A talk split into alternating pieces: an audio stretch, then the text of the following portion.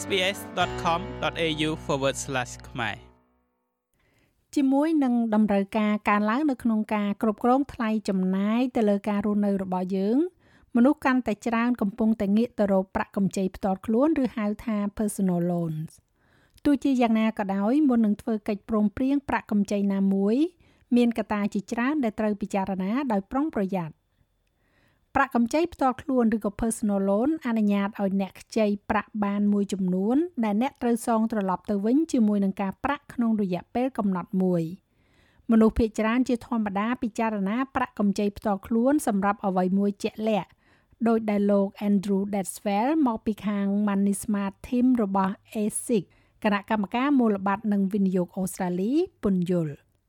You might be planning a holiday. You might have a wedding coming up. អ្នកប្រហែលជាកំពុងតែរៀបចំគម្រោងថ្ងៃឈប់សម្រាក holiday អ្នកប្រហែលជាមានពិធីរៀបអាពាហ៍ពិពាហ៍មកដល់ហើយគិតថានេះនឹងត្រូវចំណាយប្រាក់ច្រើនយើងក៏ឃើញមានដែរសម្រាប់ការជួសជុលផ្ទះនិងសម្រាប់ការទិញរថយន្តអត្ថប្រយោជន៍ពិតប្រាកដនៃប្រាក់កម្ចីផ្ទាល់ខ្លួនគឺថាវាអនុញ្ញាតឲ្យអ្នកបំបែកការចំណាយរបស់អ្នកក្នុងរយៈពេលដែលបានកំណត់ហើយវាជួយអ្នកនៅក្នុងការរៀបចំថវិកានិងគ្រប់គ្រងប្រាក់របស់អ្នក គុណវិបត្តិវិញនោះគឺថាប្រាក់កម្ចីផ្ទាល់ខ្លួនឬក៏ personal loan មកជាមួយនឹងថ្លៃសេវា ហើយច្បាស់ណាស់ថែមទាំងមានការប្រាក់ទៀតផងប្រជាជនអូស្ត្រាលីជាច្រើនជាប់បំណុលដែលត្រូវសងយ៉ាងច្រើនតាមរយៈប្រាក់កម្ចីផ្ទាល់ខ្លួន។ចន្លោះកម្ចីតាមធម្មតាសម្រាប់ប្រាក់កម្ចីផ្ទាល់ខ្លួនគឺពី2000ដុល្លារទៅ100,000ដុល្លារហើយប្រាក់កម្ចីទាំងនេះជាធម្មតាត្រូវបានបង់ក្នុងរយៈពេល2ទៅ7ឆ្នាំ មិនមែនគ្រប់គ្នាសុទ្ធតែមានសិទ្ធិទទួលបាននូវប្រាក់កម្ចីផ្ទាល់ខ្លួននោះទេ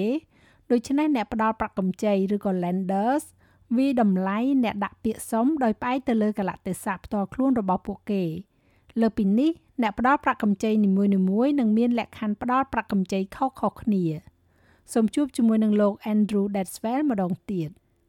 Generally speaking you need to be over the age of 18និយាយជាទូទៅអ្នកត្រូវមានអាយុលើសពី18ឆ្នាំហើយអ្នកត្រូវតែជាពលរដ្ឋអូស្ត្រាលីឬអ្នកមានសិទ្ធិរស់នៅជាអចិន្ត្រៃយ៍មានកលៈទេសៈមួយចំនួនដែលក្នុងនាមជាអ្នកកាន់ទឹកតការបណ្ដោះអាសន្នអ្នកនឹងអាចទទួលបាននៅប្រាក់កម្ចីផ្ទាល់ខ្លួនឬក៏ personal loan នេះដែរប៉ុន្តែវានឹងមានតម្រូវការចាំបាច់បន្ថែមទៀតអ្នកផ្ដល់ប្រាក់កម្ចីនឹងសួរអ្នកអំពីប្រវត្តិហិរញ្ញវត្ថុរបស់អ្នក តើការងារប្រភេទណាដែលអ្នកមានអ្នកត្រូវតែបញ្ជាក់អត្តសញ្ញាណរបស់អ្នកហើយបំណុលនឹងទ្រព្យសម្បត្តិអ្វីខ្លះដែលអ្នកមាន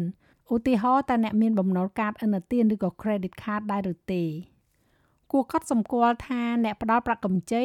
នឹងមើលតែប្រវត្តិឥណទាននៅក្នុងប្រទេសអូស្ត្រាលីរបស់អ្នកប៉ុណ្ណោះពួកគេប្រើប្រាស់នៅអ្វីដែលគេហៅថាពិន្ទុឥណទានឬក៏ credit score របស់អ្នក ដើម្បីកំណត់ថាតើអ្នកអាចសងត្រឡប់មកវិញនៅប្រាក់ដែលអ្នកខ្ចីបានដែរឬទេគិតថានេះជារូបភាពនៃប្រវត្តិឥណទានអូស្ត្រាលីរបស់អ្នកហើយអ្នកនាង Amy Bradley George គឺជាអ្នកជំនាញហិរញ្ញវត្ថុផ្ទាល់ខ្លួននៅឯ Finders ពន្យល់ពីគំនិតនេះ។ Your credit score is a number it's generally between បន្ទុកឥណទានឬក៏ credit score របស់អ្នកគឺជាតួលេខមួយជាទូទៅវាស្ថិតនៅចន្លោះពី0ដល់1000ហើយវាផ្ដល់ឲ្យ lender នៅស្តង់ដារមួយសម្រាប់សមត្ថភាពរបស់អ្នកនៅក្នុងការគ្រប់គ្រងឥណទានប្រកបដោយទំនួលខុសត្រូវហើយពួកគេចាត់ទុកបន្ទុកឥណទានរបស់អ្នកដើម្បីជួយកំណត់អត្រាការប្រាក់ទៅលើប្រាក់កម្ចីផ្ទាល់ខ្លួនដូច្នេះបន្ទុកឥណទានឬក៏ credit score ទាប មានន័យថាមានហានិភ័យកាន់តែខ្ពស់សម្រាប់អ្នកឲ្យខ្ចីដូច្នេះពួកគេនឹងបង្កើនអត្រាការប្រាក់សម្រាប់ប្រាក់កម្ចីនោះបន្ទុកឥណទានឬក៏ credit score របស់អ្នកនឹងរងផលប៉ះពាល់ប្រសិនបើអ្នកខកខាននៅក្នុងការសងប្រាក់ត្រឡប់ទៅវិញសម្រាប់ credit card ឬក៏ប្រាក់កម្ចីកាលពីអតីតកាល ខណៈពេលដែលវាអាចជាការតាក់ទាញឲ្យអ្នកដាក់ពាក្យសុំទៅកាន់អ្នកផ្ដល់ប្រាក់កម្ចីជាច្រើននៅក្នុងពេលតែមួយការធ្វើដូច្នេះពិតជាអាចបន្ថយពិន្ទុឥណទានរបស់អ្នកបានព្រោះវាបង្ហាញថាអ្នកស្ថិតនៅក្នុងភាពតានតឹងផ្នែកហិរញ្ញវត្ថុឬហៅថា financial stress លោក Andrew Detzfeld បានផ្ដល់អនុសាសន៍ថាមុននឹងដាក់ពាក្យស្នើសុំប្រាក់កម្ចីសូមចាប់ផ្ដើមដោយការស្រាវជ្រាវទៅលើអ្នកផ្ដល់ប្រាក់កម្ចី អត្រាការប្រាក់របស់ពួកគេនិងថ្លៃសេវាកម្មពាក់ព័ន្ធណាមួយដូចគ្នានេះផងដែរពិចារណាដោយប្រុងប្រយ័ត្នចំពោះរយៈពេលផ្ដល់ប្រាក់កម្ចី For example, if you want to borrow $5,000, ឧទាហរណ៍ប្រសិនបើអ្នកចង់ខ្ចីប្រាក់ចំនួន5000ដុល្លារក្នុងរយៈពេល5ឆ្នាំជាធម្មតាវានឹងត្រូវឲ្យអ្នកចំណាយអស់ប្រហែលជា6800ដុល្លារក្នុងរយៈពេលនោះដូច្នេះអ្នកនឹងត្រូវបង់ថ្លៃសេវានិងការប្រាក់ប្រហែលជា1800ដុល្លារ ចំណែកបើប្រសិនបើអ្នកមានប្រាក់កម្ចី5000ដុល្លារក្នុងរយៈពេល2ឆ្នាំវិញអ្នកនឹងបង់ការប្រាក់និងថ្លៃសេវាតិចជាងនេះប្រហែលជា1000ដុល្លារដូច្នេះអ្នកត្រូវថ្លឹងថ្លែងមើលថាតើអ្នកចង់បែងចែកថ្លៃចំណាយដើម្បីឲ្យការសងត្រឡប់ទៅវិញឬក៏ repayment របស់អ្នកកាន់តែទាបឬក៏ត្រូវបង់វាផ្ដាច់នៅក្នុងរយៈពេលខ្លីជាងនេះ ម៉ាស៊ីនគណនាប្រាក់កម្ចីផ្ទាល់ខ្លួនរបស់ Money Smart នឹងជួយអ្នកនៅក្នុងការគណនាប្រាក់សងត្រឡប់ទៅវិញឬហៅថា repayment របស់អ្នកនៅពេលដែលអ្នកវាយបញ្ចូលចំនួនប្រាក់កម្ចីនិងអត្រាការប្រាក់ចូលទៅស្ថាប័នហិរញ្ញវត្ថុដូចជាធនាគារពាណិជ្ជនិង Mutual Bank គឺជាធនាគារដែលគ្រប់គ្រងដោយអតិថិជនផ្ដល់នៅប្រាក់កម្ចីផ្ទាល់ខ្លួនជាច្រើនប្រភេទដែលអាចតម្រូវតាមតម្រូវការរបស់អ្នកបាន លោក Paul Farmer គឺមកពីក្រុមហ៊ុនផ្ដល់ប្រាក់កម្ចី Heritage and People's Choice These financial institutions generally គ្រឹះស្ថានហិរញ្ញវត្ថុទាំងនេះជាទូទៅនឹងផ្ដល់អត្រាការប្រាក់ប្រកួតប្រជែងកាន់តែខ្លាំងធនាគារនិង Mutual Bank ត្រូវបានចងក្រងដោយបទបញ្ញត្តិនៃការផ្ដល់ប្រាក់កម្ចីប្រកបដោយការទទួលខុសត្រូវដើម្បីធានាថាអ្នកខ្ចីអាចមានលទ្ធភាពសងត្រឡប់មកវិញ មានអ្នកផ្ដល់ប្រាក់កម្ចីដែលមិនមែនជាធនាគារមួយចំនួនដែលផ្ដល់នៅប្រាក់កម្ចីផ្ទាល់ខ្លួនហើយជាទូទៅលក្ខខណ្ឌវាតម្លៃប្រាក់កម្ចីរបស់ពួកគេមានភាពធូរស្រាលជាងធនាគារទោះជាយ៉ាងណាក៏ដោយអ្នកអាចរំពឹងថានឹងត្រូវបង់អត្រាការប្រាក់ឬក៏ថ្លៃសេវាខ្ពស់ជាងសម្រាប់ប្រាក់កម្ចីទាំងនោះមានប្រាក់កម្ចីផ្ទាល់ខ្លួនពីរប្រភេទសំខាន់សំខាន់ដែលអ្នកត្រូវពិចារណា នោះគឺធានានិងមិនធានា ដែលភាសាអង់គ្លេសហៅថា secure and unsecure ប្រាក់កម្ចីដែលធានាឬក៏ secure loan ត្រូវបានគេប្រើដើម្បីទិញទ្រព្យសម្បត្តិធំធំ ដូចជារថយន្តជាដើម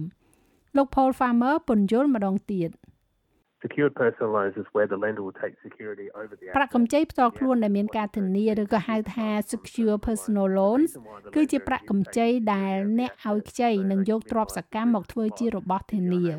ទ្រព្យសកម្មគឺជាអ្វីដែលអ្នកកំពុងទិញជាមួយនឹងមូលនិធិប្រាក់កម្ចីផ្ទាល់ខ្លួននោះមូលហេតុដែលអ្នកឲ្យខ្ចីយកការធានាទៅលើទ្រព្យសកម្មដូច្នេះពួកគេអាចកាត់បន្ថយហានិភ័យនៃការខាតបង់ឲ្យនៅទាបបំផុតប្រសិនបើអ្នកមិនអាចបំពេញទៅតាមកិច្ចសន្យាប្រាក់កម្ចីបានទេនោះអត្រាការប្រាក់ដែលត្រូវបង់ទៅលើប្រាក់កម្ចីដែលមានការធានារបស់អ្នកនឹងមានភាពខុសគ្នាអាស្រ័យទៅលើអាយុកាលនៃទ្រព្យសកម្មរបស់អ្នក ដោយសារតែអ្នកផ្ដល់ប្រាក់កម្ចីមានរបស់ធានាទៅលើទ្រព្យសកម្មរបស់អ្នកពួកគេអាចមានសិទ្ធិកាន់កម្មវាប្រសិនបើអ្នកមិនសងបំណុលប្រាក់កម្ចីដែលមានការធានា ជាទូទៅមានអត្រាការប្រាក់ថេរហើយអ្នកប្រហែលជាត្រូវតម្រូវឲ្យមានធានារ៉ាប់រងទៅលើទ្រព្យសម្បត្តិរបស់អ្នកលោក Farmer ពន្យល់ថាជំរើសទី2ដែលជាកម្ចីគ្មានរបស់ធានានោះអនុញ្ញាតឲ្យមូលនិធិត្រូវបានយកទៅប្រើប្រាស់ស្ទើរតែគ្រប់គោលបំណង។ សម្រាប់ប្រាក់កម្ចីផ្ទាល់ខ្លួនដែលគ្មានរបស់ធានាឬក៏ហៅថា unsecured personal loan អ្នកនឹងមិនចាំបាច់ផ្ដល់ទ្រព្យសកម្មជារបស់បញ្ចាំនោះទេប៉ុន្តែជាទូទៅអត្រាការប្រាក់នឹងខ្ពស់ជាង ហើយសម្រាប់ unsecured personal loan នេះអ្នកផ្ដល់ប្រាក់កម្ចីនឹងដាក់កម្រិតទៅលើចំនួនទឹកប្រាក់ដែលអ្នកអាចខ្ចីបាន ទំហំប្រាក់កម្ចីជាទូទៅគឺចាប់ពី2000ដុល្លាររហូតដល់ទៅ20000ដុល្លារ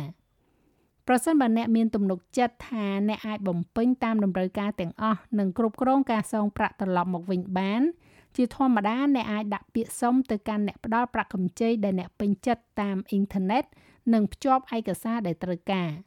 ទោះជាយ៉ាងនេះក្តី វាគឺជារឿងធម្មតាទៅហើយសម្រាប់ពាក្យសុំខ្ចីប្រាក់ដែលត្រូវបានគេបដិសេធអ្នកនាង Brady George ពន្យល់ when they're assessing your application if they feel that you're នៅពេលដែលពួកគេកំពុងវាតម្លៃពាក្យសុំរបស់អ្នកប្រសិនបើពួកគេមានអារម្មណ៍ថាប្រាក់ចំណូលរបស់អ្នកមិនគ្រប់គ្រាន់ដើម្បីទូទាត់សងពួកគេអាចបដិសេធពាក្យសុំរបស់អ្នកហើយភ្ជាប់ជាមួយនឹងប្រាក់ចំណូលផងដែរប្រសិនបើអ្នកស្ថិតនៅក្នុងការងារមិនថិតថេរឬក៏អ្នកមិនមានការងារធ្វើឬក៏ទៅតែចាប់ផ្ដើមការងាររបស់អ្នកនោះពួកគេអាចពិចារណាកត្តាទាំងនោះដើម្បីបដិសេធពាក្យស្នើសុំរបស់អ្នក។ បើទោះបីជាអ្នកសុំប្រាក់កម្ចីផ្ទាល់ខ្លួនដែលមានរបស់ធានាក៏ដោយអ្នកអាចឃើញថាស្ថានភាពហិរញ្ញវត្ថុរបស់អ្នកផ្លាស់ប្ដូរការខកខាននៅក្នុងការសងប្រាក់ត្រឡប់ទៅវិញឲ្យទាន់ពេលវេលា ជាទូទៅតេទៀងឲ្យមានថ្លៃ fee បន្ថែម ហើយដំណោះស្រាយឆាប់រហ័សដូចជា ប្រាក់កម្ចីជាថ្ងៃ ដែលយើងហៅថា payday loans ឬក៏ការដំឡើង credit card limit របស់អ្នក គឺអាចបង្កឲ្យមានវត្តនៃបំណុល ប្រសិនបើអ្នករកឃើញថាខ្លួនអ្នកកំពុងស្ថិតនៅក្នុងស្ថានភាពលំបាកវាគឺជារឿងសំខាន់នៅក្នុងការពិភាក្សាអំពីជំរើសការលំបាកផ្នែកហិរញ្ញវត្ថុជាមួយនឹងអ្នកផ្ដល់ប្រាក់កម្ចីរបស់អ្នកពួកគេប្រហែលជាអាចផ្លាស់ប្ដូរលក្ខខណ្ឌនៃប្រាក់កម្ចីរបស់អ្នកលោក Andrew Datswell មកពី Money Smart លើកទឹកចិត្តឲ្យអ្នកគ្រប់គ្នាដែលជួបប្រទះបញ្ហាប្រាក់កាសឲ្យតាក់ទងទៅអ្នកផ្ដល់ប្រឹក្សាផ្នែកហិរញ្ញវត្ថុ Financial counselors are free and you can access them via the អ្នកផ្ដល់ប្រឹក្សាហិរញ្ញវត្ថុមិនគិតថ្លៃទេហើយអ្នកអាចចូលប្រើប្រាស់សេវាកម្មរបស់ពួកគេបានតាមរយៈបណ្ដាញជំនួយបំណុលថ្នាក់ជាតិ National Debt Helpline តាមរយៈលេខទូរស័ព្ទ1800 007 007ឬប្រសិនបើអ្នកមិនចេះនិយាយភាសាអង់គ្លេសឬក៏ភាសាអង់គ្លេសគឺជាភាសាទី2របស់អ្នកអ្នកក៏អាចជ្រើសរើសសេវាបកប្រែ TIS ដែលជាសេវាកម្មរដ្ឋាភិបាលមួយផ្សេងទៀតហើយពួកគេនឹងហៅទូរស័ព្ទទៅបណ្ដាញជំនួយបំណុលជាតិសម្រាប់អ្នក